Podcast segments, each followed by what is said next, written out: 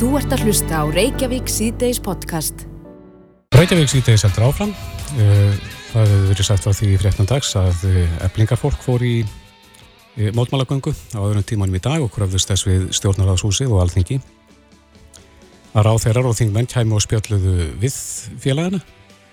En lítil viðbröð var að fá eh, á báðum stöðum. Eh, í dag byrstist líka grein, skoðanapistill, inni á vísi.is sem að Ragnar Þóri Ingólfsson formaði að fer ritaði og hann er komið til okkar, velkomin.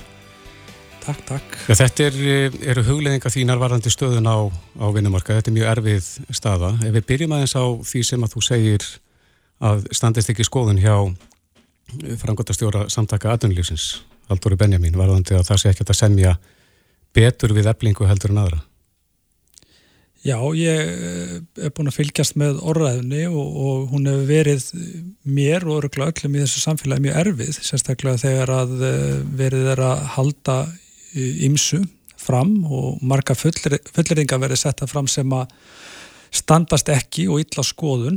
Og ef við kannski byrjum bara á uh, þeirri fulleringu að það gefið í skinn að við höfum með einhverjum hætti gert kröfu um að samningurinn okkar eh, erði, hvað ég segja, eh, að hann myndi bara rauninni gilda yfir alla markaðin eða önnu félög eða, eða hvernig sem það er sett fram á ekki við nokkur einustu röka stiðjast. Við gerðum á engum tímapunkti kröfu um það að eh, okkar samningur erði hvað ég segja, myndi gilda fyrir önnu stjættafjölu. Við höfum einfallega ekki leifið til þess, við höfum ekki umbótt til þess og við höfum ekki valdið þess að binda önnu stjættafjölu á því sem við semjum um og uh, þetta þarf bara að taka fram sérstaklega núna vegna þess að uh, þegar að sömur hlutónum er ítrekka haldið fram að, að þá fer fólk einhver meina að trúa þessu sem einhverju sem hefur mögulega gerst sem að gerist alls ekki. En hvaða þýningu hefði það ef að ebling fengi betri samninga heldur en aðrir? Já, hann þarf ekkert endilega að vera betri, hann getur bara að vera útfærður með öðrum hætti. Uh, við til dæmis uh, uh, vorum með töluvert frábriðin samning heldur en til dæmis SGS-félögin gerðu og við fórum í, í bandala með samflótið innamanna og Uh, náðum uh, tölvert ólíkum samning heldur en SKS en samningur er þó að við höfum verið í bandalagi með samflótið innan þeir voru líka ólíkir. Það var, var, var tekið tillit til annara þáttar uh, hjá hérna, innamennum sem að snýru til dæmis að innamenntökstónum útværslu á vinnutíma og fleira. Eh, þannig að eh, og, og þetta hefur verið þannig, þetta var líka í kjærasamlingunum 2019 að uh, þá var Vaffer og, og, og starfskanna sambandirunni fórum saman á endanum og þar voru syngvarar útfærslunar af samningum uh, þannig að það er ekkert sem að einhver með gefið tilefni til þess að fullir að það að allir samninga þurfa að vera eins vegna þess að þeir eru ekki og hafa sjálfnast verið eins og milli félaga. Við erum allt öðru við þessi samsetningu af, af, af félagsfólki hjá Vaffer heldur en til dæmis hjá starfsgrunarfélagunum. Já, en þessir samningar sem voru undirritað núna fyrir skemstuða, þeir eru til stöðstíma. Uh, er það ekki á þessu ári sem að, sem að nýjir samningar verða undirritaðir ef, ef að verður? Já, ekki bara það, við, erum, við, við höfum nú þegar hafið viðræður um langtíma kjærasamning og þær viðræður eru farnar á stað já, og, og, og, og þessi samningu sem við skrifum undir í desember, hann er að renna, uh, renna út eftir umlega tíma ánið. Þannig að samtalið er hafið, en uh, ef að hefling næði betri samningum núna, hefði það áhrif inn í þessar viðræður sem er í gangi núna? Að sjálfsög hefða þá áhrif á okkar kröfugerð, þeir sem að ná árangri í uh, hérna, sinni baróttu við byggjum á því. Við eh, til dæmis 2019 náðum uh, árangur í stýttingu vinnuvökunar, við fengum reyna stýttingu og uh, sem dæmi komum ofnbyrju félaginu eftir og fengum meiri stýttingu heldur við fengum. Og við fögnuðum því, við fögnuðum því að það var, sagt, við náðum að riðja aðeins inn í skablin og svo kom ofnbyrju félaginu og náðu, náðu að riðja nú lengra. Eh, Ofnbjörnfélög fengur líka 30 dag orlofu alla og þetta er til dæmis eh, okkar megin krafa núna mm -hmm. er að fara í 32 stunda vinnuvöku og 30 dag orlofu alla eh, félaga vaffer. Mm -hmm. Þannig ef ég stíli rétt Ragnar að, að þá myndir þú fagna ef að ebling næði betur samningu vegna þess að það myndir þá hækka viðmið ykkar í komandi kjærasamningum? Þetta hefur alltaf verið svona og, og við, eh, við getum farið og spóla til dæmis aftur í tíman ef við tökum bara til dæmis þegar atvinnlistryggingu var komið hér á með einum hörðustu verkvars-aðgerðum sögunar árið í verkvallunum 1955 eh, þá fór fátakasta fólkið í, í, í hörð átök og verkvöld til þess að ná fram herri eh, og betri launum, betri vinnu aðstöðu vinnu aðstæðum og síðan atvinnlýstryggingum. Á þeim tíma þá kusu kaus vestlunafólk frekar að fá lífyrirsjóði í staði fyrir atvinnustringar. Mm -hmm. Þannig að atvinnustringar komu síðan bara setna hjá uh, vestlunafólki, eða held ég 1966, en, en uh, þetta er ágætti stæmi að, að þarna unnust alveg gríðalega mikilvæg réttindi bæði hjá vestlunafólki og síðan uh, hérna, verkamannafélögum þá að uh, réttindi uh, og mikilvæg réttindi sem að nýtast öllum og allir eru með í dag og það eru lífyrirsjóðir og, og verkfallsrétturinn. Nei, mhm. fyrir ekki hérna aðalisttryggingar. Já, en það er búið að bóða verkbann í næstu viku og uh, þessi stað hefur nú reyndar ekki oft komið upp. Hvaða skoðun hefur á þessari stöðu sem að nú er uppi?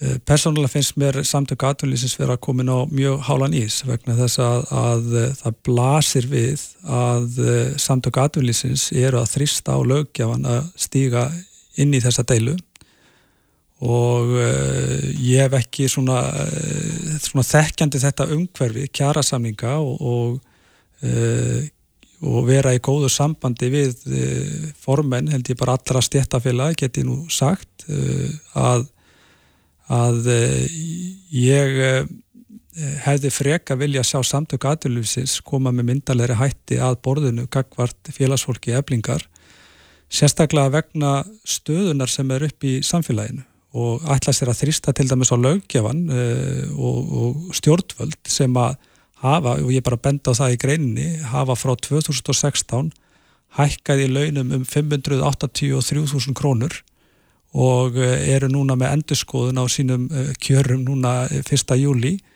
og þingvarakaupið, það hefur fyllt eftir að kjararáð var lagt niður Eh, launathróun í landinu sem að eh, hefur verið, það verður tölvert launaskrið síðust, síðasta árið. Og þá má leiða því líkum að það er hækkanir sem að hérna, þingmenn og, og, og hérna, ráþeirar munu fá núna í júli næstkomandi verði ekki nokkur einasta samrami við það sem að þau telja í að ganga yfir alla vinnumarkaðin uh, og hlustandi síðan einmitt á stjórnmálafólkið okkar, sömt ekki alla sem betur fyrr, uh, tala um að uh, hér sé eitthvað vandamál með, með vinnumarka, hér þurfa að breyta vinnulögjöfinni, eh, auka valdheimildi ríkisáttar sem er að þrengjað félagsadel stéttafélaga og þar framöttu göttunum, þetta eru yfirlýsingar sem hafa komið núna á, á, á öllum miðlum bara síðustu daga og vikur á meðan stjórnmálafólkið okkar hefur verið að fá þessa miklu hækkanir eins og, eins og ég nefndi þetta frá 2016 hækkanir upp á 583.000 krónur mm -hmm. og fá vantalega hækkun sem að nefnur öruglega 100 skallega meira í júli að veru farið eftir e, launathrónu og launavistölu að e, þetta, þetta, þetta slær mig illa að, að verða vittna af svona þessu þessu svona tvöfælda siðferði sem að stjórnmálinn verðast vera först í og þetta ótrúlega skilningsleisi á stöðu fólks. Ég er bend á í pislinu hjá mér eða greininu minni að við þurfum að setja okkur í spór þeirra sem að eh, eru að berjast fyrir bættum kjörum og afhverju.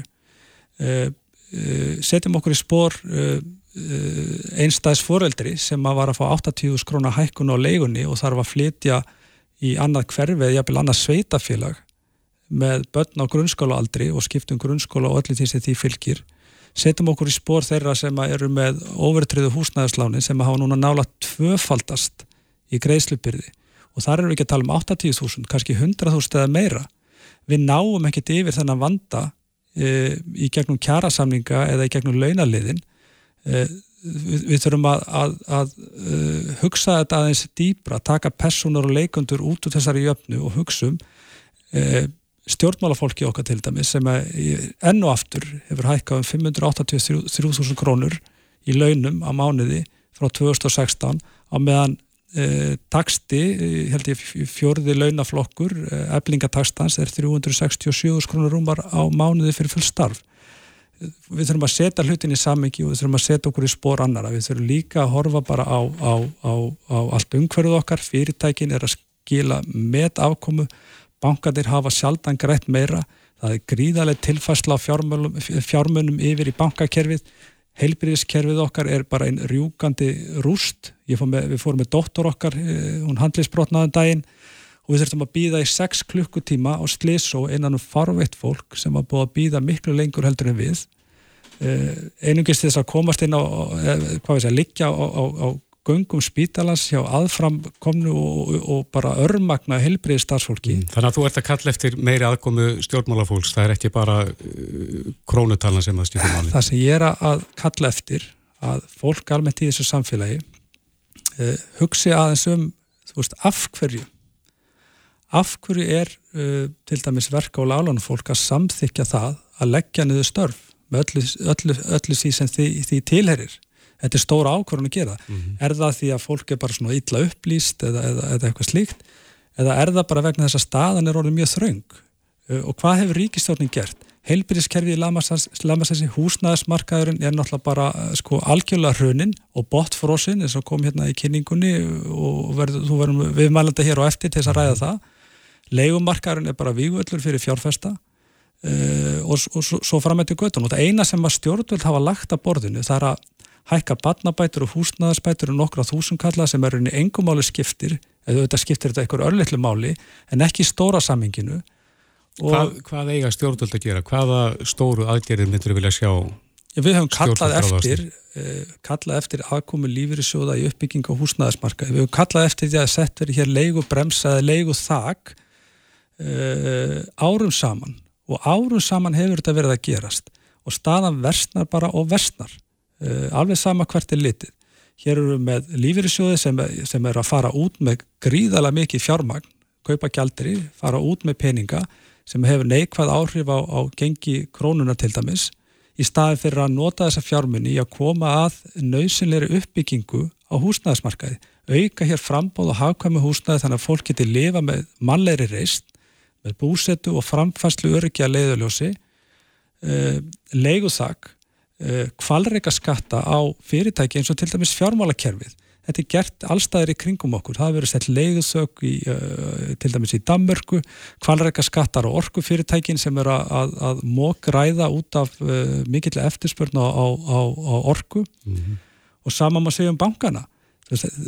Forgangsröðunin og þetta ástand Eh, sem við erum með ekki bara núna í þessari deilu, kjaratælu eblingar og samtaka aðunleysis heldur bara á vinnumarkanum eh, er eh, afleiðing af langvarandi áralungu aðgerralessi stjórnvalda fyrir þessari alvarlegu stöðu mm. og við erum líka, og bara rétt bara, Já. við erum líka bent á það að hér eru við með yfir 600 miljardar lánastappa þar sem fólk festi vexti á overtriðu lánum Þetta er að, að renna úr gildi núna á næstu mánuðum og 20, kannski 12 til 20 mánuðum.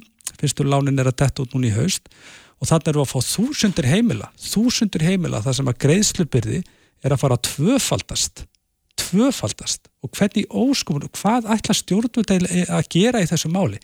Auka valdheimildir ríkisáta sem er að setja lög á, á, á, á stjættafélögin það, það er ekki lausning Kristófer, við mhm. þurfum að fara að hugsa í lausnum og við þurfum að fara í einhverja aðgerðir sem að bæta hér lífskjör, þannig við lendum ekki trekki trekki þessari stöðu sem við erum að hóra upp á.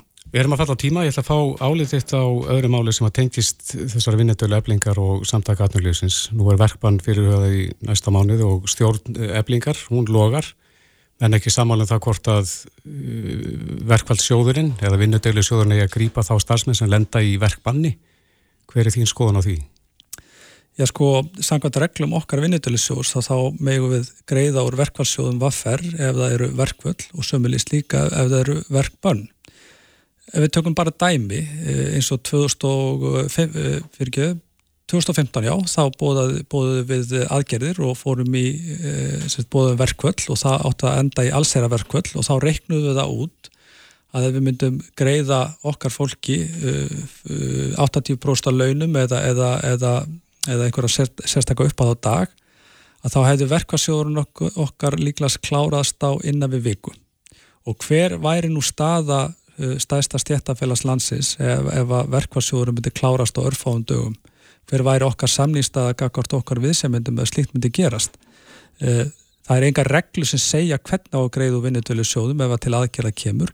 Það er bara ákveði hverju sinni alveg svo ebling uh, væntala stendur frammi fyrir núna að þau þurfa ákveða og, og munus á ákveða hvernig þau munu bregðast við.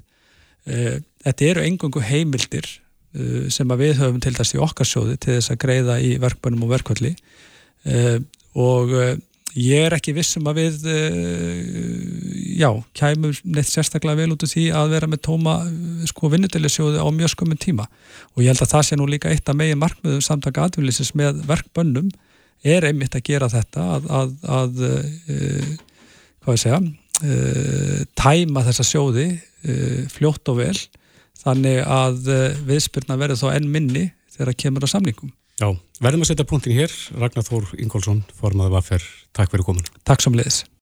Þú ert að hlusta á Reykjavík C-Days podcast. Klukkan á 27 minútur í 5 eftir Reykjavík C-Days og við ætlum næst að snú okkur að eh, innrás rúsa inn í Úgrænu. Já. En á morgun verður eitt ár liðið frá því að rúsar ríðast með herrvaldi inn í Úgrænu. Mm -hmm og síðan hefur hann margt gerst, miður fallegt, mikið mannfall Já. Og hörmungar sem að hafa reyðið yfir ukrainsku þjóðina. Á línunni er Albert Jónsson, fyrirvændi sendiherra og sérfræðingur í alþjóðamálum, kom til sæl. Já, góðan daginn, sæli verið því. Já, hvað, ef við getum dreyið saman þetta eina ár í nokkra setningar, hvernig myndur þú lýsa árinu?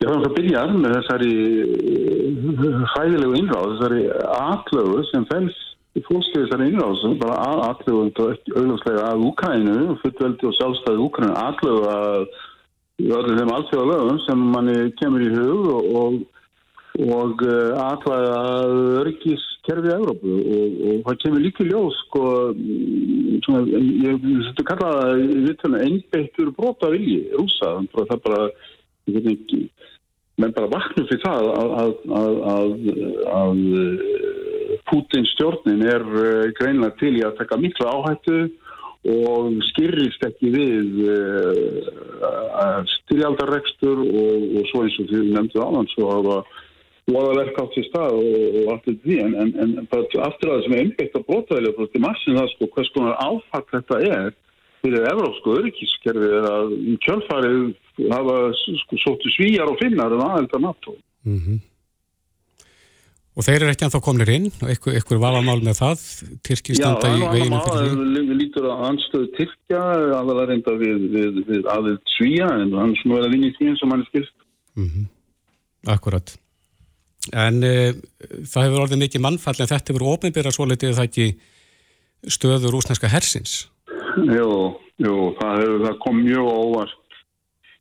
Menn áttu vona á því að rúsneski herin sem myndi uh, gera mistök og verði brokkengt hjá þeim en, en, en bara tölurnar voru þannig í upphafið og yfirbörði rúsa í tölulegu efni svo miklu að, að menn töldu alveg öruft að þeir myndu ná markmiðum sínum, hernaðlegu markmiðum sínum í Ukraín En bara á fyrstu sólaringunum byrjuðu efasendur um það og það kemur í ljós að þeir eru að klúðra líkil aðgerðum í sókninni til Kýð, sérstaklega en gegnum betur í söður hluta á Ukraínu. Og e, svo hefur stríðið afhjúpað marga alvarlega kerfislæga veikleika rúsnarska hersins og þetta stríð hefur verið næstum því samfæld rakför rúsa með því að Og sérðu fyrir að það svo rakkur haldi áfram? Já, núna er sko, sko, sko vígvöldurinn, hver er staðan það? Jú, það er, výlínan hefur ekki breyst mikið í margar vikur, mánuði. Það eru væntingar um að rússar sé undirbúa sók, þarna í östu hlutanum, í svo kallu Donbass svæði. Mm -hmm. E, það eru líka efasemtur um að geta það. Þeir eru vissulega til að sapna liði, þeir eru að bæta í mannskap. En margir sem benda á að það bara breyti svo litlu. Það standi e, eftir sem áður þessi, þessi miklu veikleika sem við varum að tala um. Þeirra voruð fyrir feikilegu manntjóni. Og það, í því manntjóni er mikið af þeirra besta liði. Mikið af fóringjum hafði hefur fallið um, þeirra voruð fyrir feikilegu hergarnartjóni og enn og aftur sko það er best, bestu græðunar eru, eru farnar, það er þær sem að, að fara fyrst mm -hmm. og, og svo bara enn og aftur veikleikarnir og, og, og þar á meðal sko stjórn hersins verðist vera mjög slög og fóringjarnir ekki ekki háan gæðaflokki, það er alveg auðjós og svo svona hlutir eins og aðflutningar, alveg líkin aðriði herfnaði, þeir hafa aldrei beitt það sem kallaði combined operations og ennskuður samhæfarðar aðgerið, þú veist, skriðdrega flugvela, fótgönguliðs og þetta er alveg líkil aðriði og þeir virðast ekki færi um það þannig að miklar efasendur um að þeir muni hefja einhverja stórsókn og, og breyta einhverju miklu ávíkvelum Já, e, má þá segja að þeir hafi hreinlega ofummeitið einn styrk og, og það er náttúrulega ekki mikið af, af bandamönnum í, í kringuðanum að kannski kvítrósar. Já, nei, nei, það reyndar, maður ekki gleyma því að, að mörg ríki í heiminum mann og hvort styðja þessa einrás eða hafa settið upp á ágjörðingun í henni en En, uh, nei, nei, uh, þetta lítur ekki vel. Þeir eru mjög vondur málum, rússar í Úkrænu og rúsneski herin eins og ég segi og síðan eru vissa væntingar um að Úkrænar hugsanlega geti hafið verulega, verulega soknaraðgerði þegar þeir verða búin að fá með vorinu nývoff frá Vesturlöndu, þar með skriðdrega og meira aflugskeitum og meira skotfærum. Og við skulum ekki gleyma því eftir sko að stuðningur í Úkrænum aðalega bandaríkjum, 90% af vopnarnir sem Úkrænum enn fá er, er frá bandaríkjum og svo fá þeir líka frá bandaríkjum það skiptir feikir að miklu máli, þeir fá mikið af upplýsingum frá bandaríkjum úr njósna og eftirlitsfugulum, gerfitunglum og, og, og alls þess að græna sem bandaríkjum hafa feikilega mikla getur þetta skiptir allt miklu máli en hvort að Úkræna nái að reyka rúsa af höndum sér, reyka rúsa út úr Úkrænu Það er nú mikla reyðarsendunum það, mikla væntingar um að, að þetta stríð niður fyrir fólkið í Ukrænu bræðist bara á langin. Já, en eh, kom samstaða vesturveldana Pútín og rúsum á, á óvart? Áttu verið vona því að, að samstaði myndi leysast upp frekar? Já, já, það er nú almennt litið svo að það hafi komið ánum á óvart. Sko, Putin hafði og Rúslands stjórn vissar ástæðu til að efast um staðfestu Vesturlanda. Ég munum að þetta stríð er búið að vara því að 2014 skoðum að Krím var í nýjum 2014 og hernaði íhlutin rúsa í Donbass hér aðeins sem ég nefndi á að hún hófst það sama ár.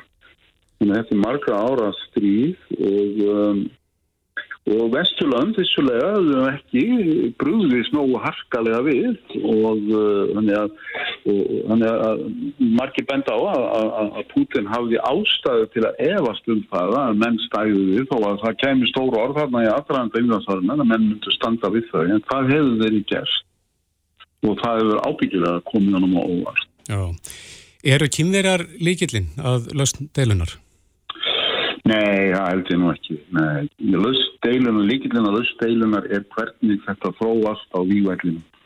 Það er bara tölur óvisa upp um, eins og ég nefndi aðan, mikil óvisa um hvað rússar geta gett og, og, og, og ef að semtur um að þeir geti hafið ykkur að sóknarækjari sem máli skipta einni óvisa um getu Úkræna því að þó þeir fáið vopp frá Vesturlöndum og þau vopp sem að þú er að lofa en þá er bara, rússarnir líka búin að grafa sér niður í varnalínu, er erfitt að, að að eiga við slíkt. Þannig að ég held sko að það er óvissað um þetta næst alveg fram á sko sem sumarið og höstu það fyrir að býja eftir því. En uh, en uh, verulega hægt á að þetta dræðist á langin og sumir benda á að það minna henda rúsum að þetta dræðist langin þá er það kannski eitt, tvö ára eða lengið tíma í niður fyrir Úkræn Er einhver markvis vinna í því að reyna miðla bálum? Er einhver að reyna að fá menna samlingamálum? Nei, nei, það er engin, engin. Og, og bara nýjust yfirlýsingar Úslandsfórsetta með engum móti til kynna að rúsa séu tilbúinir til samlinga og einni hafa Ukrænumenn og Selenski þar í farabóti herst á sínum kröfum og, og þannig að það, það er ekki öll samlingar, alls ekki. Nei, að... En vissulega þróuninn á výverðinum og á næstu viku, næstu mánuðum getur það breytt því. Já, rétt kannski í lokin, Albert, hver er staða Pútins í þessu allu núna, ári síðar? Ég held sko hann var nú með mikið mikil fundi í Moskvu, var ekki gæri, jú. 100.000 manns, það var einnig að flestar kerðir í rútum á staðin sko og íþróttarleikongin þannig sem er dátt sér stað. En það var, það var engan bilbuð á honum að finna. Og það er engin merki um það það sé að fjara undan, undan honum politiís nýtur stuðnings í skoðanakonum og við skulum muna það að rúsnir stjórnum það var náttúrulega mikið tök á skoðanamyndun í Rúslandi og uh, þetta er mjög einhæg mynd sem er dreinu fyrir almenning og uh, maður er nú að fylgjast mikið með þessu og það er alveg greinlegt að, að, að þeir húsar sem svona er vestafni fjölmina ná tali af þeir líta svo á eins og skilabóðin eru frá stjórnandum að þetta sé í rauninni stríð við bandaríkina. Úkræna sé í rauninni leppur bandaríkjamanna í þessu stríð. Og jafnvel fórnaland. Já, þannig að það er engan bilbo á honum að finna og ef það fjara undan honum þá er það ekki almenningur sem að myndi breyta því það, það er þá uh, hann missir þá tökinn á, á uh, ríkislauruglunni og þeim klíkum sem að, sem að hann hefur stuðst við og sem stýja þörfni við hann líka þannig að, að það er langt í landhendinu það að hugsanlega fjara undan honum Já, Albert Jónsson, fyrir um sendið hér og sérfræðingur í alþjóðamálum. Kæra þakki fyrir þessa yfirreið með okkur. Já, sumulegis. Bless, bless. Þetta er Reykjavík C-Days podcast.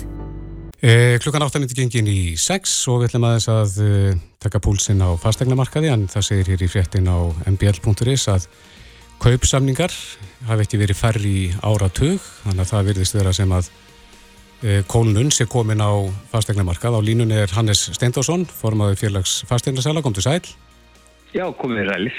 Já, þú tekur undir þetta og, og hérna staðfestir að kaupsamningar hafi ekki verið færri í áratug?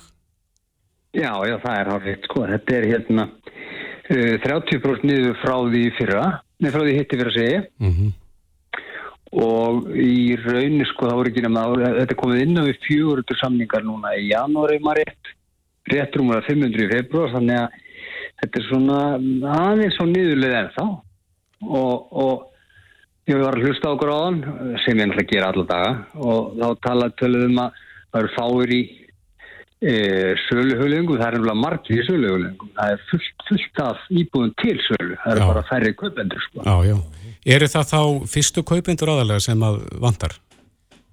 Já, eftir að reglun og breytt núna í, hjá Sælubankanum varðandi 35% að getur ekki sett nema 35% rástöðunar tekjum í lánið, að þá hefur svolítið verið kipt fótón myndan fyrstu kaupendunum sko og þetta eru vextir háur og, og greiðslumurinn hefur hækkað mikið þannig að það vantar töluvert af þeim í námaskæð. Já, þannig að það má í rauninni segja að eh, þessar aðferðir peningastefnunöndar Sælabankans sé að virka og það er alltaf að bitna á, á markaðinum. Klárlega, ég menn það er búið að þetta var náttúrulega bara yfirli stefna og auðvitað var þetta allt og mikið, það var, var hérna, það er ekki aðlægt íbúður að 50% íbúður að seljast á, á yfirverði það er komin í 12% núna sem er svona bara e, talið eðlilegu markaður ef við tökum 10-15 ára aftur í tíman þannig að já, ég held að, að þessar aðgerður eru klárlega virka og, og hann ætlaði sér að gera þetta. Er svo bara spurning hvað hann ætlar að halda þessu lengi. Það, það, það geta í raun ekki verið mikið færri köpsanningar, þeir eru orðið svo fáir. En mhm. fullt, fullt að íbúin til sölu þannig að það er líka gott, það var allt og lítið til og það er aukist mikið og og í rauninni bara uh, markaðurinn er eðlilegri hvað það varðar. Það er ekki 30 manns í opnum húsum og svo framvegis en við ættum í rauninni að vera í þúsund kaupsamningum með að við fólksfjölda, þannig að það vantar aðeins upp á. Mm -hmm. Hvað eru margir að mæta á opin hús í dag? Það vantar að neðsamt eftir fastegnum. Já, ég menn það seljast íbúr á hverjandi, þannig að það er ekki að tala um algjört frost en það er tölverð fækkunni svo fram við komið í, í, í kaupræðingum en það er nú mæting svona, hvað maður segir, tveir til átta er svona hefbundis. Mm -hmm. En þú segir og, þetta er að bytna helst á, á fyrstu kaupendum, þar er þess að þeim sem hafa kannski minnst fjármagnmiðli handan og þurfa að, að brúa með lánum. En hverjir eru þá aðalega að kaupa fastegnir í dag? Sko það eru í rauninni bara alveg eins og hefur verið, það er allur aldur, alveg frá uh, 20 eða 30 og alveg upp úr. Það eru nekkit breyst uh, fyrir utan fyrstu kaupendur. Og þú veist, fólk er að minka við þessu og stekka við þessu bara eins og gengur og gerist alltaf. Þannig að það í rauninni hefur ekkert breyst. Það er sami hópur að kaupa og sælja fyrir utan uh, fyrstu kaupendur. Mm. Og þessi staða er að þrýsta verðinu niður líka, þannig að það er kólunum þar líka. Já, það er sko það verður lækkar núna 1% síðan 6 mánuði síðan 12 mánuði hækkaðan 14,7 þannig að það máli gera ráð fyrir því að verður lækjum, ég veit ekki 3% á þessu ári, maður þóru ekki að spá fyrir um það sko en, en það er svo sem kannski bara hækkun þá eh, síðustu þessi stund að harna þrjá fyrir á mánuði þannig að það er svo sem ekki mikið lækkun en, en hún verður einhver lækkun Já, nú er náttúrulega búið að bóða heilmikla uppbyggingu, það er mér að búið að bóða uppbyggingu nýs hverfis í Reykjavík og uh, heilmikið framundan. Er ykkur sem er kannski að halda sér höndum og alltaf reynilega bara að kaupa sér nýtt? Ég klárlega og það er, það er margt sem er uh, gott við markaðin þegar það hægir svona á það er að segja, það verður miklu meira til sölu, fólk hefur úr meiru að, að, að velja. Fólk hefur meiri tíma, það selst ekki allt strax og það er alltaf verið að miða við, eins og ég segi, í fyrra voru 30% færri samningar heldur en áraða undan en það var líka meta á 13 kausaningar. Mm -hmm. Þannig að ég ger ráð fyrir að eðlilegt ársferði sé 7-8 þúsund samningar þannig að það er, eins og ég, það er margt gott, fólk hefur meiri tíma, það er ekki margir kaupundra hverju eitt, þannig að einhver myndi segja að það væri bara gott að kaupa íbúð á markaði eins og hann er núna, tölur betra heldur en þegar það eru kannski þrjú-fjú tilbúð í hverja eigin. Já, akkurat, og, og verðið spennist upp þegar það svo, svoleiðis ástandir? Já, já, því er svona að mestu loki, það var uh, í janúar var það 19,4% þegar maður rétt á yfirverði og 12,7 núna í februar, mm -hmm. Þannig að það er raunni liðið þannig allavega í byli og það verður áhugavert að sjá hvað Sælamokastur gerir, hann vantilega hækkar að vexta einu sin enn og svo er spurning hvað, hvað hérna, þetta verður svona lengi. Já, en Hannes, hvernig er stjettin, stjett fastegnarsal, er, er það flótti úr stjettinni sjálfri? Nei, nei, nei, langt frá því. Það er unni, þetta er bara svona eins og nú er ég búin að vera í þessi 20 ára og Marti búin að vera í þessu miklu lengur það er bara góð ár og slæm ár og þetta er bara eh, partur af þessu og ekkert nýtt í rauninni þannig að það er ekki til að, að, að, hérna, eh, að vera hrettu við sko, alls ekki. Nei, en fyrir þá sem að hafa tök á því að þá er þetta að gera góð kaup í dag? Já, það er allavega nóg að eignum til sölu og um, með þær tölur sem eru útgefnar að þá er 90% tæplega af eignum sem eru ekki að seljast viðveri þannig að Já, ég til að það sé að gera ágættis kaup. Já, já. Og er þetta sama ástand uh, viðegandum allt landið? Er, er það sama að gefa þess? Já, það er svona mjög svipa út, út á landi, sko. Það er svona bæði, hérna, snæri okkur og svo fyrir norðan og fleiri stöðum. Þannig að já, þetta er svona uh, leggst bara á alla, já, í rauninni. Já, en þú gerir ráð fyrir einni hækkunni viðbútt hjá pinningastefnunemnd og, og svo farið þetta niður á við? Ég er að vona það, ég hef ekki minna þekking á því en, en ég, veist, hann, hann setur sér markmið, hann er búin að ná því, hann lítur að leta á þessu ljóðlega, það er ómöld hann. Já, Hannes Steindorsson, formadur félags fastegnarsala, kæra þakki við rétt og bestu kvöður. Sumleis, takk, takk. Þetta er Reykjavík C-Days podcast. Only know you've been high when you're feeling low Only hate the road when you're missing home Only know you love her when you let her go. Við sjáum kannski allt og oft dóma þar sem að uh, er verið að fjalla um ofbeldi gegn börnum. Jó. en það er eitt slíku dómi sem er fjall og sagt er frá inn á vísi.is Það sem segir að hérastómur Reykjanes hafi dæmt Karlmann í síðustu viku í fimm mánuða stílósbundi fangilsi fyrir brot í nánu sambandi með því að beita svonsinn ítrekuðum og enduteknum líkæmlegu refsingum. Já en maðurinn sló són sinn með belti, ímist í bak, rass, maga eða iljarans. Og það er spurning hvort að þetta vefjist enn fyrir mörgum uh, hvernig megi aga börni sín. Já. Á línunni er fórstjóri badnavendarstofu Óluf Ásta Faristveit, kom til sæl. Sæl og blessar. Já, vefst þetta ennþá fyrir, fyrir fólki? Er, er gamli tímin enn við líði sumstaðar? Ég myndi nú tælja að það ætti nú ekki að vera því það er mjög langt síðan að sko, það var í lögunum og, og auðvitað síðustu lagabreitingar hvað þetta varðar, líkanlega refsingar gagvart börnum. Eh, Barnavendalögin okkar eru síðan 2002 mm -hmm. og þar hefur þetta einmitt verið tilgreint. Um, ofbeldi gagvart börnum eða, eða beita andlega með líkanlega refsingum í uppbeldiskinni. Eh, þannig að það er búið ransi lengi en þetta er náttúrulega í rauninni meira en svona viðurlög þannig eru líkamlega refsingar að grófum toga beitt gagvart barni sem getur valdið barninu hvað sé grófum andlegum og líkamlegum skada. Mm -hmm. Hvað meiga fóreldra ganga langt í að vaga barnið sin? Er, er allt líkamlegt ofbeldi úr myndinni?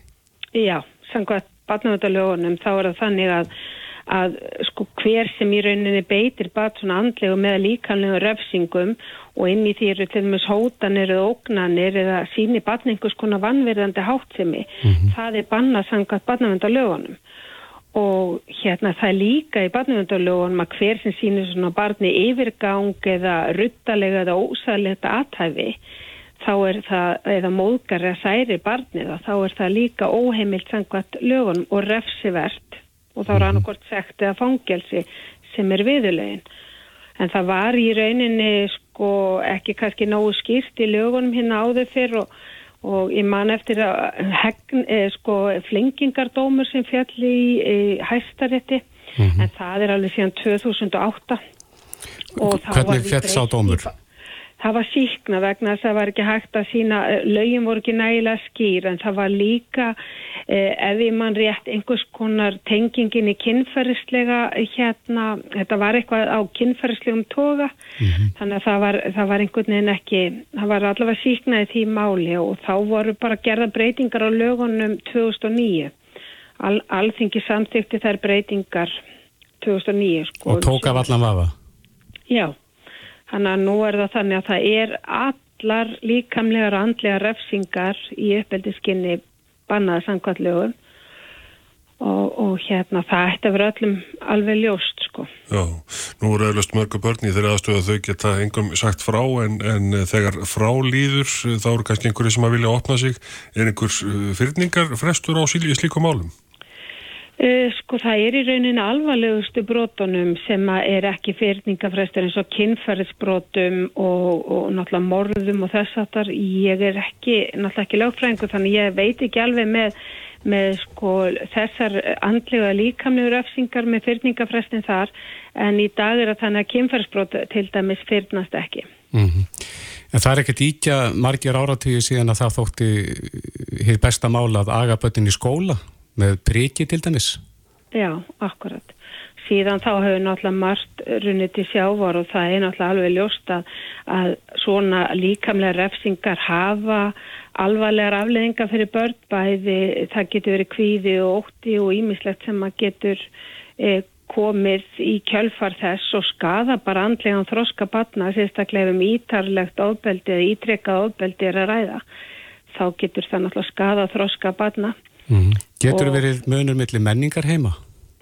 Já, sko það er ekki allstað sem er bannað að beita líkanlega refsingum og það eru ímis lönd með seinan Evrópu sem heimila þetta ennþá en, en það er að breytast og ég held að við mann rétt að það er Frakland tók þetta út 2019 og en Vesturlönd öll hafa, hafa þetta eh, ef ég mann nú rétt þá, þá hafa Vesturlanda bannað líkamlega refsingar mm -hmm. skakvart börnum en, en svo er það með Asíu og önnur lönd þá þekki það bara ekki nægilega vel sko lagaraman þar Nei. En uh, hafa börnin uh, greiðan aðgang til þess að tilkynna svona ef, að, ef þau búa við slíkt ábeldi? Já, sko, ég tel að það börn sé mjög vel upplýst í dag hvað er rétt og hvað er rámt og þau hafa mörg hver upplýsingar eins og um barnasáttmálan og, og, og réttindi þeirra. Börn geta náttúrulega að leita til einhvers í nærumhverfið þeirra þar sem þau geta uh, sagt frá og oft er að líka þannig að vinir og aðrir bregðast líka við þegar börn greina frá. Það er mjög algengt að börn byrja á því að til dæmis að tala við einhverja uh, í nærumkvörinu eins og bara til dæmis vini mm -hmm. sem að bregðast oftast næri rétt við. Nú síðan er appið eins og einnið tveir þar sem að þú getur reyni tilkynnt um þitt eigið mál eh, sérstaklega bara inn til barnavendar og svo náttúrulega líka er verið að hvetja börn til að ringi einni, tvo líka og fá samband við barnavendaþjónustu. Já. Þannig að það eru marga leiðir til en, en hérna oft kemur þetta gegnum skólana líka. Einmitt. En þú nefndir einn áðan að, að líkamlegt ábeldi er bannað í öllu Já. formi gegn börnum og, og það er nú svo sem alveg hægt að sjá fyrir sig hvað það þýðir en þú nefndir líka andlegt ábeldi. Já. Uh, Getur líst því aðeins fyrir okkur hvernig það getur verið stundað? Hvað hvað börnum? Sko, andlegt ofbeldi er oft svolítið erfitt stundum að skilgrinu og getur verið mismunandi hvernig við skilgrinu eftir bara þeim menningarheimi sem við erum í.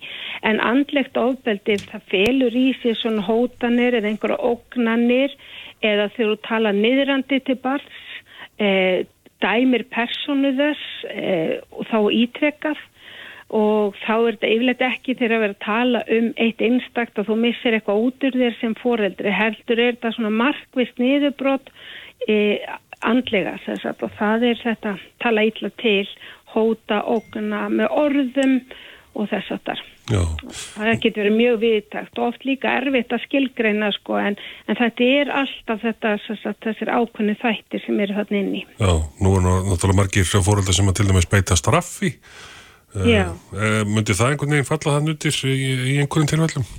það er náttúrulega, það er mjög vand með farið að beita uh, viðurlögum eins og í formi strafs ef að barni skilur ekki hvað er verið að refsa fyrir. Það er eitt að segja sem sagt að hérna að þú mátt ekki fara út af því þú hefur brotið eitthvað, einhverja reglur sem að fyrirfram eru hvað sé tilbúin og það sé að batni veit alveg nákvæmlega að hverju það gengur. En til dæmis refsingar sem eiga sér staði við lengri tíma eins og batni fá ekki að fara út í viku þá er lítið bat til dæmis löngu hægt að muna hvaða gerði þannig að það þarf að vera mjög skýrt og það má aldrei beita ofbeldi eða andlegu ofbeldi til þess að hérna segja sagt, eða beita þeim refsingum eða viðilögum þannig að En nú er það oft áreikstarar á heimilin vegna snjáltækja notkunar. já Hvað með að, að hóta því að það verði ekki snjáltæki í viku ef að barnið gerir ekki eitthvað tildingin hlut? Það er mjög langur tími, sko, vika fyrir barni er bara heil, eilið, þannig að maður þarf alltaf að vera, og það er náttúrulega mjög gott að gera svona ákveðin sáttmála sem bara til dæmis veit að hverju það gengur, þar að segja, segja sem að fóreldrar setjast niður og útskýra fyrir barni. Það þarf bara þarf alltaf að skilja hvaða er og í hvaða tilgangi eitthvað er gert. Það er ekki nóg að segja þetta má ekki, heldur verður maður líka að útskýra fyrir barninu hvað er verið að gera. Til dæmis með snjáltíðkin að þá tekum maður, sest kannski niður með barninu sín og segir, þú mátt vera í 45 minútur í tölvuleik eða þessu og þegar þú ert búin að læra þú setur þetta skýrt upp fyrir barninu. Og þannig vinnur með að barni samþykir það sem þú setur. En það er þetta samtal og samræður sem þurfa alltaf að eiga sér stað og undan. Þannig að við erum fann að nota alltaf aðra uppeldis aðferðir heldur en voru í gamla daga eins og þegar þú varst að tala um að það vera beita því að slá börn með reglustrikum og eitthvað svo leiðis þannig að það er allt annað aðrar eh, nálganir sem við við notum í dag og það er náttúrulega rannsóknur ímislega sem stiður þessar aðferðir gagvart börnum. Hverja geta afleggingarna verið ef að barn býr við líkamlegt ofbeldi og refsingar í langan tíma? Hefur það verið rannsakað? Já, það er til margar slíka rannsóknir. Ég hefða nú kannski ekki baka eira akkurat núna en það sem að alvarlegt ofbeldi hefur í förmið sér að bara ofbeldi og ítrekkað hefur í förmið sér að það barn getur mynda kvíða. Það fyrir allt eftir sko barninu og hvað einstaklingum er að ræða. En börn sem eru til dæmis slegin að beitt einhverju líkamlega ofbeldi, þau sjálf læra að það er lausn við vandamálum. Þau geta sjálf farið að beita ofbeldi. Fyrir utan það að kvíðin og streitan sem er í lífi barsins að tippla á tánmum að lesa alltaf í aðstæður er pappi minn eða mamma mín í súnaskapi í hinnuskapinu og það myndar streitu og langvarandi streita hjá börnum getur haft alvarlegar afleðinga bæði í andlegum þroska og að takin upplýsingar er barnir alltaf í streituvekjandi aðstæðum að þá er mjög erfitt að, að þroskast andlega. Þannig að það hefur ymsar svona afleðingar í förma sér til lengri tíma. Já. fyrir utan það að börnin það sem við tökum með okkur í úr uppeldin okkar notum við í mörgum tilvikum sjálf á fulloninsárun þannig að það það náttúrulega líka svona rjúfa þennar ring svo þetta far ekki þróist áfram á milli kynsluða. Mm -hmm. En lögin eru stýr hvað þetta varðar en hvernig heldur að, að staðan sé á heimilum landsins svona heilt yfir? Já sko ég tel að flestum heimilum sé ástandi mjög gott og það sem við höfum bara eins og bara tölur sem við sjáum í batnahúsi að bara í málum sem eru kærð og annars líkt að þá eru þetta ekki, ekki jafn mörg mál sem eru að koma e, borið saman við kynferðisbrotin sem við erum að fá. Mm meðan við skoðum tölu til dæmis úr barnahúsunum á Norðurlöndunum að þá ertu með 60% tilvika þar sem þú ert með líkanlegt ofbeldi en meðan við erum uh, með kannski í cirka 40% tilvika af málum sem berast í barnahús eru líkamlegt ofbeldi en, en svo er það náttúrulega núna auðvitað breytingar í barnavendalögunum uh, í fyrra þar sé að 1. janúar 2022 þar sem að barnahús getur komið að e, málum þó svo þessu ekki kærð. Þannig að þá getur vel verið að við munum sjá fleiri slík mál inn í kærfinu hjá okkur. Já, Ólöf Ástafaristveit, fórstjóri barna og fjölskyldustofum. Við skulum vona að við séum öll á réttir leið í þessum málum. Kæra þakki fyrir spjallið. Já, takk sem leiðis. Reykjavík síðdeis á Bilginni podcast. Við höldum áfram í Reykjavík síðdeis þegar klukkuna vanta 12 mínútur í 6. Eh, byrtist skoðanapistill inn á vísi.is eh, í dag það sem að eh, viðskipta fræðingurinn Guðvon Sigur Björnsson er að velta fyrir sér samgefnisefni í lífstjörnum meðal annars og hann er komið til okkar velkominn. Takk fyrir það. Já, þú segir hér í þessum pislið þínum að velta fyrir hvernig við búum þeim tekjulágu gott líf til framtíðar og er, er svolítið að hugað ástandin eins og er í kjaramálum núna? Já, einmitt, þetta er stál í stál virðist vera og enda, enda eh, hérna kannski ekki góðir kostir í stöðunni mm -hmm. til þess að bæta í raun og, veru kjörin að lagslaunuðu. Já, þú leggur hérna til nokkra leiðir til þess að, að bæta lífstjörin. Var það að sé við það með okkur? Ef við byrjum hérna á uh, fyrstu uppástungunni að lækka matarkostna, hvernig fyrir það því? Já, það er náttúrulega við erum nánast eina þjóðin í Európu sem er með eh, toll á matvælum mm -hmm. og það er að vísu normenn og, og hérna, sviss líka en, en þeir eru með lægri tolla og það eru enn ríkari löndinu, það eru mikið ríkari löndin við við erum náttúrulega til að fá með þjóð í stóru landi og hér er allt saman frekar dýrt mm -hmm. þannig að e, það er í raun og veru e, mjög harstalegt fyrir e, tekjulátt fólk að þurfa að borga miklu dýrari kostnaði fyrir matvæli heldur en, heldur en aðra hérna þarf í Evrópu mm -hmm. um, og sko það er ekki nómið að við séum með tollamatvæli heldur erum með kvóta á, á þetta og við erum líka með háan flutningskostnað inn til landsins og það myndi svona ef við fellinu tollana þá lækka verð á kjöti og hérna mjölkuvörum og um, slíkum vörum, egg, eggjum um svona meðaltalum 35%. Hvað áhrif hefði þetta á landbúnaðin sem að hérna fyrir? Já, það er náttúrulega, sko, það yrði að gera uh, hérna mótvæðisageri fyrir landbúnaðin mm. og það er eins og gertir í Evrópu, þá er það með þessa sem við kalla samílega uh, stefnu, landbúnaðstefnu í Evrópu. Það er, um, hún gengur út á það að borga bara, sagt, uh, hluta af launum beint Við erum alltaf með beingreislur, það er miðast við, við hérna söðfíja og, og mjölkuvörur. Við myndum, en þeir hafa það þannig að það er bara sem kallað virkir bændur, þetta getur þá verið að því að nú í dag er mikið talað um kortrækt og annað svona að það sem að hérna geti hort til framfara e, í staðan fyrir að vera först í, í kjötinu mm -hmm. og, og því þessu gamla að, að þá er þetta bara, ef þú ert virkurbóndi, þá færðu ákveðin laun. Það getur verið hjá okkur, það myndi vera mögulegt að borga bara þessuna bara elleg uh, laun, uh, lámarslaun segjum það, vegna þess að svo geta bændur bætt haksinn með því sem þið gera Þú ert að tala um að bændur eru þá bara launum hjá ríkinu? Já.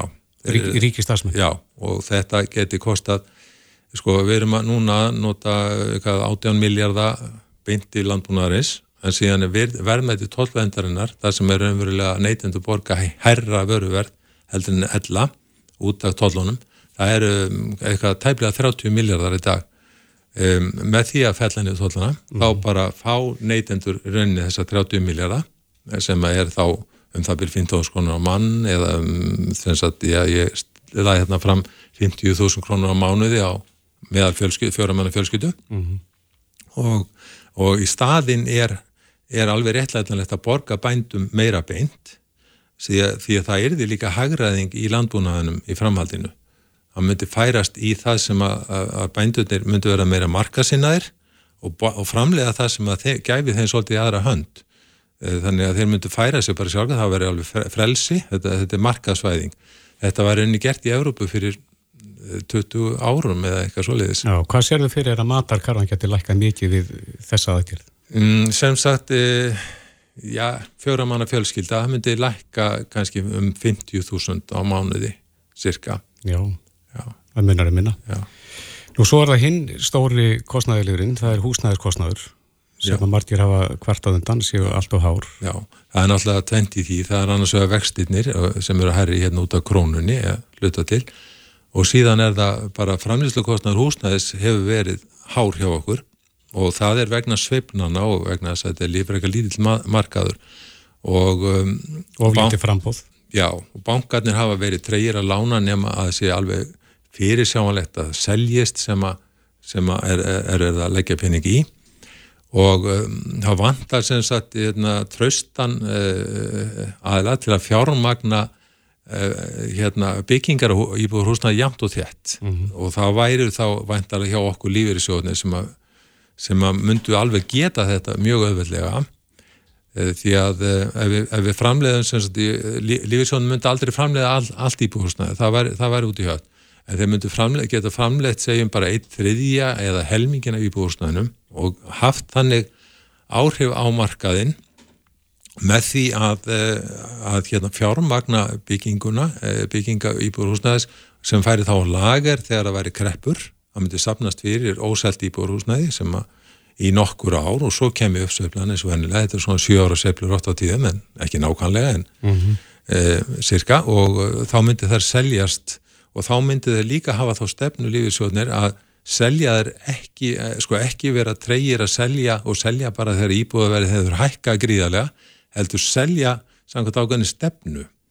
Þannig að e, það myndi ymitt eh, vinna á móti verðsveiflunum upp á við og þetta gæti auðveldlega lækkað íbúð hrúsnaði, ég segi svona 15% en um, það er sko, það hefur verið gerð nákvæm uh, útækt á því hversu há hérna, þessu léleg framleiðin er hjá okkur í, í byggingu íbúðrúsnaðis og hún er hún er uh, miklu verri en þetta sko, en þannig að ég bara þykist vera að uh, hérna meta þetta svona mjög, mm -hmm. mjög svona hó, með hóvarum hætti. Ef við göngum að svo rauðina, mm. þú leggur til lækkun vaksta Já, já það, er það er náttúrulega með efrunni þá er nokkuð ljósta að vextinni lækka af nokkuð prósent. Þannig að ég, þú vilt stifta út króninni fyrir efru Já, hún er náttúrulega krónir okkur mjög dýr og erfið. Það er náttúrulega deilt um hversu nákvæmlega mikið dýr hún er mm. en uh, það er uh, Sælabankin regnað út fyrir nokkrum árum með minnir uh, þegar við talaðum 1-3% af þjóðaframlýslu sem eru þá 1% er, eru 30 miljardar þannig að 3% eru 90 en síðan er slær fólk fram hærri tölum og ég bara tek sem dæmi fjörskilda sem að skulda 30 miljónir í, í húsnæðislán að ef að vexti lækum 2% þá eru það 50.000 á mánuði sem að mm -hmm sem að hérna útgjöldin lækka. Skipti máli hvort að efran er tekinn upp með aðveld að Európa-sambandinu eða einliða? Já, það er sagt að við getum tekið efran upp einliða mm. og það eru við stæmið um það en uh, auðvitað verða auðveldara með stuðningi Európa-sambandsins og Sælabanka Európu. Þannig að Já. Eh, enda er fylgjað þín og margir aðri kostið svo sem. Mm.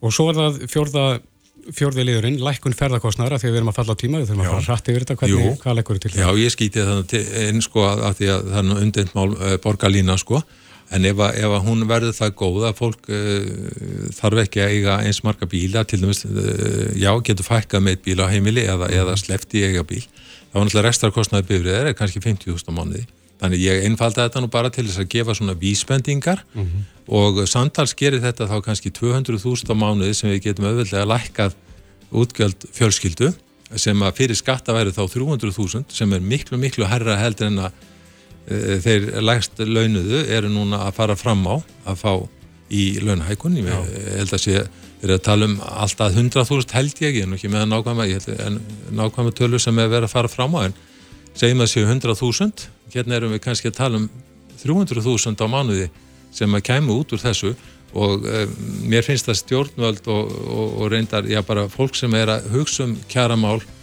e, ætti að hugsa svolítið um þetta. Við höfum svolítið verið kærulös í þessu. Já, komast þín er ekki lengra. Eh, Guðjón Sigur Björnsson, við stjórnfræðingur kæra þakki fyrir komin og það má lesa greinin inn á vísi.is Takk fyrir ekki alveg. Reykjavík síðdeis á Bilginni podcast Bræði við ákomst á frétt inn á vísi.is sem að já, okkur rak í rógastans. Já, heldur betur. Það sem að segir að því að e, breski nefnleika kappin Conor Benn, hann hefur verið, e, eða banni sem hann var settur í hefur verið aflétt. Já. En hann var talin hafa óviljandi innbyrt ólöglegt efni sem að mæltist í líkamanns en mikið eggja átt er sáðu líklega ástæða. Já, já, og nú eru við báðir miklir eggjamenn. Mjög. Röðum í okkur eggjum okkur en degi. Já, já. Þannig að það er spurning hvort það þurfa að fara að taka okkur í einhvers konar lífapróf. Já, hvað segir Birgir Sverjesson, frangværtastjóri Livi Eftirlits Íslands, kom til sæl? Já, sælis. Er það þekkt að, að egg innihaldi ykkur framstöðu bætandi efni? Ekki svo veit að sé til, en það er náttúrulega klálega bara uh, hotl og fjölbreytt fæða sem að mætti segja sé svona, hvað, hvað að segja uh, ekki framistuðu bætandi í eilum skilningi svona í skilningi lagana um livjamál mm. en, en hefur klálega hérna góð áhrif og ég verðaði ekki að það ég kom litið á fjöllum er ég sá þess að frétt og og fór aðeins að skoða málið og það er í rauninni ekkert sem að hefur hef komið fram sem að bendir til þess að þetta hvað var að segja, efni uh, orsakist eða þetta, þessi niðursta orsakist af ekki áti sko, þannig að bara þannig að sé á hreinu. Nei, er verið að hengja bakara fyrir smiðið þarna? Sko, já, þetta er nú svolítið kannski flóki mál vegna þess að það er í rauninni sérsamband svo, svo er þetta svona atvinnu deild í boksi sem að í rauninni bara úrskurar í þessu máli, svona tímaböndið allavega, mm. leifur hann um að keppa en, en rannsókn málsins er í fullum gangi ennþá af sem sagt breska lifiðeftilitinu sem er óháð lifiðeftilit, alveg eins og við erum lifiðeftilit Íslands mm -hmm. og hérna og það, ég sé ekki neina ástæðu fyrir því að þessu banni hafi verið aflétt, annað það að þeir segja bara að að það hafi verið sínt fram á það að intakan sé óviljandi en svo kemur ekkert fram í hverju það fælst og það er verið að bendla þá við þetta ekki átt á nokkura sannana sem hafa allavega komið fram. Já, það er nú talað um þetta frjósemislíf ætlað konum klómífenn sem að fannst í, fannst í blóðu hans, er það eitthvað sem er mögulega hægt að finna í eggjum? Nei, ég, það, er ekki að finna í eggjum sko, þannig að Þannig að það, þetta er svona, þetta er mjög skrítið mál allt saman og, og hérna já, maður bara svona klóra sér í höstum yfir þessu vegna þess að fyrirsögnin er náttúrulega svo bara, veist, eh, er hans vitnisbörður og, mm -hmm. og getur orðið bara svona einhverju, eh, fólk verður bara hrætt við það að borða ákveðna fæðu af því að það getur fallið á lifaprófi, sko, og ég bara ítrekka það að það er ekkit sem, sem hefur verið sínt fram á að geti gerst í þessu tilfelli, sko. Næ.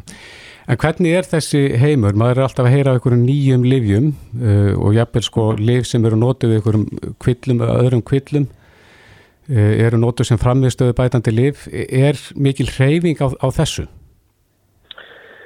Þetta tala um þá bara svona liv í lækningaskinni sem, já, sem að fólk er að nota þá í, í þessum tilgangi til að bæta árangur, já. Já, það er alveg þekkt sko. Það er, þetta liv er notað í meðferðum og, og hérna og er uh, á bannlistanum í íþróttum og getur verið árangursbætandi undir ykkurum ákveðnum kringustæðum mm -hmm. og hérna hefur svona þetta klómifenn sem að er um að ræða þarna, það getur hérna auki testosterón sko framlegslu í einhverjum tilfellum hjá karlmönnum Já. og uh, hefur svona óbein áhrif á estrogenum viðtaka og, og örvara en allavega þá, þú veist bara svona til þess að gera langarsöðu stutt þá, þá er það alveg, alveg til í dæminu og það þarf náttúrulega alltaf að vera einhvers konar læknisfræðilega ástæða fyrir því að fólk sé að nota liðin sem þau eru að nota. Og, og ef það þarf að nota svolítið lif í lífinu þá getur það sótt um undan þá fyrir slíkri notkun. En hún má aldrei vera reist á þeim rökum að fólk uh, bæti árangur sinn umfram það sem að við væri að búast ef að fullur hilsu væri náð, þegar við skiljum mig. Eru margir á slíkum undan þá listum? Uh, Ég er sótt um slíkt hjá ykkur. Já, já, já, já, það er alveg tölvöld um það sko og það er alls konar efni sem að, um að ræða, þú veist, það eru ADHD-leif, það eru síkusíkisleif og svo framvegis en það var alltaf náttúrulega að liggja til grundvallar gögn sem að staðfesta greininguna og svo framvegis. Mm -hmm.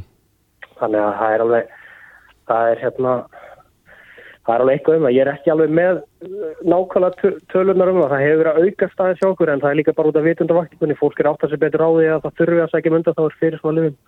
Já, og það er, er auðsótt ef að, ef að rauksendin er í lægi? Já, þess að í rauninni er grundaðurreglan svo að það er að sækjum undan þá fyrir öllum livjum uh, og það þarf að skoða hvert einasta mál fyrir sig og í sumum tilfellum er það mjög auðsótt og í öðrum er það kannski aðeins floknara og, en, en reglan er einnig svo að ef, að ef að það er sínt fram á, ákveðna svona þætti sem að styðja meðferðina og það er samþygt þá er undan þá veitt. Mm -hmm. Hvernig gengur baráttan hjá okkur hvað hvart anabóliskum styrum ólöglegum? Uh, við bara vonum að hún gangi ágjörlega. Það hafi ekki verið mörg styramál á undanförnum árum. Við erum náttúrulega tökum með þetta COVID-tímabil sem er svolítið fyrirlegt. Það sem að liðuprófum fækkaði mm -hmm. og þar með talið fækkaði jákvæða miðstöðum á heimsvísu á sama tíma. En uh, við vitum alveg að það er ólöglegu liðjanótkun í flestum íþróttagreinum og, og liðjaprófið er í rauninni svona þetta tæki sem við notum til þess að uh, sem forvarnatæki bæði og, og til þess að taka stikkpröfur mm -hmm. en það er fræðslan sem er mikilvægast núna þessa, þessa myndir í liðjaftlutinu það er að reyna ná til ungar eitthkenda og, og hérna vara við hættunum á liðjamisnóttum hvort sem hann sé óviljandi eða viljandi. Og það er svona áherslu aðrinn hjá okkur núna og, og við vonum að það skilir sér þá í framtíðinni að það séu þessir ungu ykkendur sem að fáið fræðsluna séu þá að taka svona heilbriðari ákvarðanir. Já, er, eru anabólisistir, er, er það aldingasta efni sem er misnótað í tengslum við íþróttir? Já, það er það, í, bara yfir allan heiminn. Já, og þið reynið að fræða segir unga íþróttamenn á, á afleggingunum. Hver, hverjar eru Já. þær helstar? Uh, af sem sagt bara lifja misnum, eða sem sagt af steirónum. Já, þessar ólöglegu nótkun. Það eru mjög margar, það eru mmjög margar aukaverkanar af anabólisisteirum, sem sagt af nótkun anabólisistera. Og það fer allt eftir magninu, það fer eftir tegund steirans, það fer eftir einstaklingnum sjálfum, það fer eftir tíðni nótkunar, þannig að þetta getur verið svona, þetta getur verið margar breytur, en þetta hefur fyrst og fremst áhrif á bara uh, innkysla starfsemi uh, sem sagt einstaklingsins og hjarta, lifur, uh, heila starfsemi. Þetta hefur margvíslega áhrif og áhrifin endilega, þurfa ekkit endilega að koma fram strax, þau geta komið fram löngu setna. Mm -hmm. Það er nú svona helsta hættan við þetta. Sumir halda að þeir sé ekki fánin aukaverkanir en tæknilega sé er ekki hægt að nota anabóliska stera á þess að fá aukaverkanir. Við förum aðeins aftur að því sem við byrjuðum á, það er nú aðeins að higgja hjá íþróttamönnum, það er náttúrulega fræg þessi frétt frá því fyrra, frá vetrars olimpíuleikunum þegar Camila Vaileva, uh, hún, uh, hinn 15 ára gamla skautadrottning, hún fjall á lífjaprófi eftir að hafa, hvað, drukkið vatn úr glasi afasins. Það er svona eins að higgja fyrir íþróttamönnin. Er, er mikið batteri í kringu það að, að íþróttamönninir fái rétta fæðu og, og takir rétti lifin? Já, það málið sko ennþá í gangi. Ég veit að, að alþjóð og liðjaftilitið var að áfrýja því bara núna í síðustu viku. Já. Og að því að ég miskilst að hún hafi fengið sem þess að tryggja mánaða bann fyrir svona að hafa óvart tekið inn lif afasins, mm Mhm. -hmm. hjartalif, með því að hafa tekið sopa úr, úr glasin hans og það hefði þótt bara ótrúverið ástæða eða þess að ótrúverðu hérna rauk og það sé búið áfrið því öllu saman. Já, menn kaupi ekki það að hún stjallir skuldinu afa. Nei, það er svona, það er ekki, já, það er svona, hvað ég segja, málflutningurinn hjá alþjóðlega eftirlitinu og, og þá komum við aftur að spurningunni ég, uh, hún er mjög ung en hún er á eftir afreikstígi. Já, já. Þannig að þetta er alltaf spurningin um hver er ábyrð hennar og hver er ábyrð þeirra sem er í kringum hana og svo framvegis. Og það þarf að skoða það í svona samhengi við afreikstíð. Það því að við gerum aðurvísi kröfur til þeirra sem er að keppa ólimpíuleikunum uh, samanborið við þá sem eru kannski bara að keppa í sínu landi já. í einhvers konar deild eða eitthvað svoleiðis. Þannig að, en hún er ung, hún hefur það svona sétið tekna, en á sama tíma þá, þá hérna, þá á ekki að vera hægt að bera fyrir því aldur þegar að fólk er komið á svona rosalega hátt afreikstig og er ekki að spila fyrir, fyrir löndi sína því að þá er hægt að nota það kannski bara sem afsökun í framtíðinni. Mm Já, menn eru náttúrulega að- setja ákveðin fordæmi með hverjum dómi sem að fellur. En uh, Birgir Sverjesson, frangvæntastjóri Livja Eftirlits Íslands, kæra þakkir fyrir þetta og gangi ykkur vel. Já, bara takk sem þess. Bless, bless. Bless. Hlustaðu hvena sem er á Reykjavík C-Days podcast. Fangelsismálin hafa nú verið til umræðu í langan tíma Já, og uh, sömum þykir byggð eftir afplánun vera ansi löng, ekki allir sem að koma strax að því afplánun. nei. Eh, En uh, þetta mál hefur ratað inn á Þing, þar spurði Þorbjörg Sigriður Gunnlaugstóttir, uh, Þingona viðreistnar, uh, dónsmálar á þeirra, einmitt um þennan byggtíma eftir afplánun. Já, er komið svar? Það er komið svar og Þorbjörg Sigriður er á línu, kom til sæl. Sælir verið þið? Já, þú varst að vel- velta fyrir þig þessum byggtíma eftir afplánun og hefur fengið svör frá ráþeira og hvernig líst þér á? Já, ég fekk svörin bara í dag. Ég hafi áður lagt fram styrspur til að sem það bara hver fjöldin væri, hvers margir menn og konur hefur verið dæmdir til að, að fara í fangilsi, sæta afplánun, mm -hmm. hvers hún tala væri og þá kom í ljós að það voru 279 karlar sem hefði fengið dóm, uh, fangilsisdóma á 38 konur. Uh, svo var ég að kanna núna bara hver var meðal byggtíminn uh, og þá kemur í ljós að hann er rúm 2 ár Já, tveimur árum frá því að eh, einhver þessar 279 karlmanna var dæmdur í fangilsi, gengur þeir enn lausir. mm skipti Meira einhver máli... Já, fór skipti eðli brottsins ekki máli við þessa, við þessa byggð? Jú, það á að gera það því það er fangilsinsmálastofn hefur staðfyrst það. Það eru svona viðmeðum forgang. Þyngd dómanna, eðli brota, kynfyrsbrot séu framar og svona. Mm En þarf það kannski að hafa í huga að við erum með svona norrænt kerfi í fangilsinsmálunum að hérna e, bara það að þú sér dæmdur til að fara í afplánun en þá er ekki skilurspundu dóm sýnir að um er að ræða alvarlegt mál. Þannig ég myndi segja að öll eh, þessi mál ættu þá að teljast alvarlegu í einhverjum skilningi.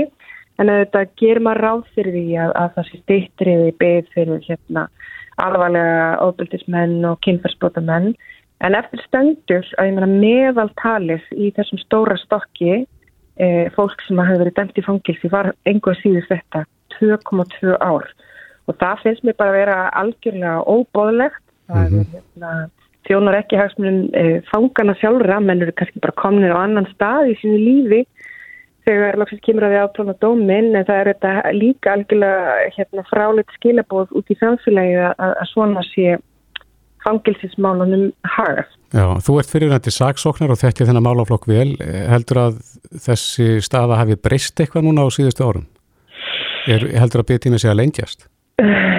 Já, já, hún hefur verið að lengjast, uh, hefur verið erfið til lengri tíma. Ég spurði reyndar líka um þróun fjárveitinga til fangilsismála stofnunar frá 2008 til dagsins í dag. Mm -hmm. 2008 var svona pælingum að hérna með, með hrunið og allt þetta. En þá, þá, þá staðfyrsti ráðherrana það að frá árunni 2008 og til ásins í ár að þá hafi verið hagræðingakrafa öll árin og niðurskurður öll árin. Þannig að það hefur niðurskurður á hverju einasta ári hjá fangilsismálastofnun frá árunni 2008. Það er þetta mjög stór tíðindi þegar að niðurstaðan er að verða svo að e, lauraglan, uh, ákjörvaldi og domstólarnir hafa sendu sínu og það er þetta líka mikil málafungi og, og tafir að þetta sé síðan hérna lokapunkturinn í ferðlinu og að eða domsmálaráðherrar uh, sjálfstæðsflokksins oftastlega hafa ekki staðið betur neða svona grundvallar innviðum eins og fangilsismáli veru en þetta. Mm. Já, það er búið að auka fjárveitinga til lauruglu sem að þá mun afkasta fleiri málum en uh, sérðu fyrir að þá muni bara þessi uh, bygglisti lengjast?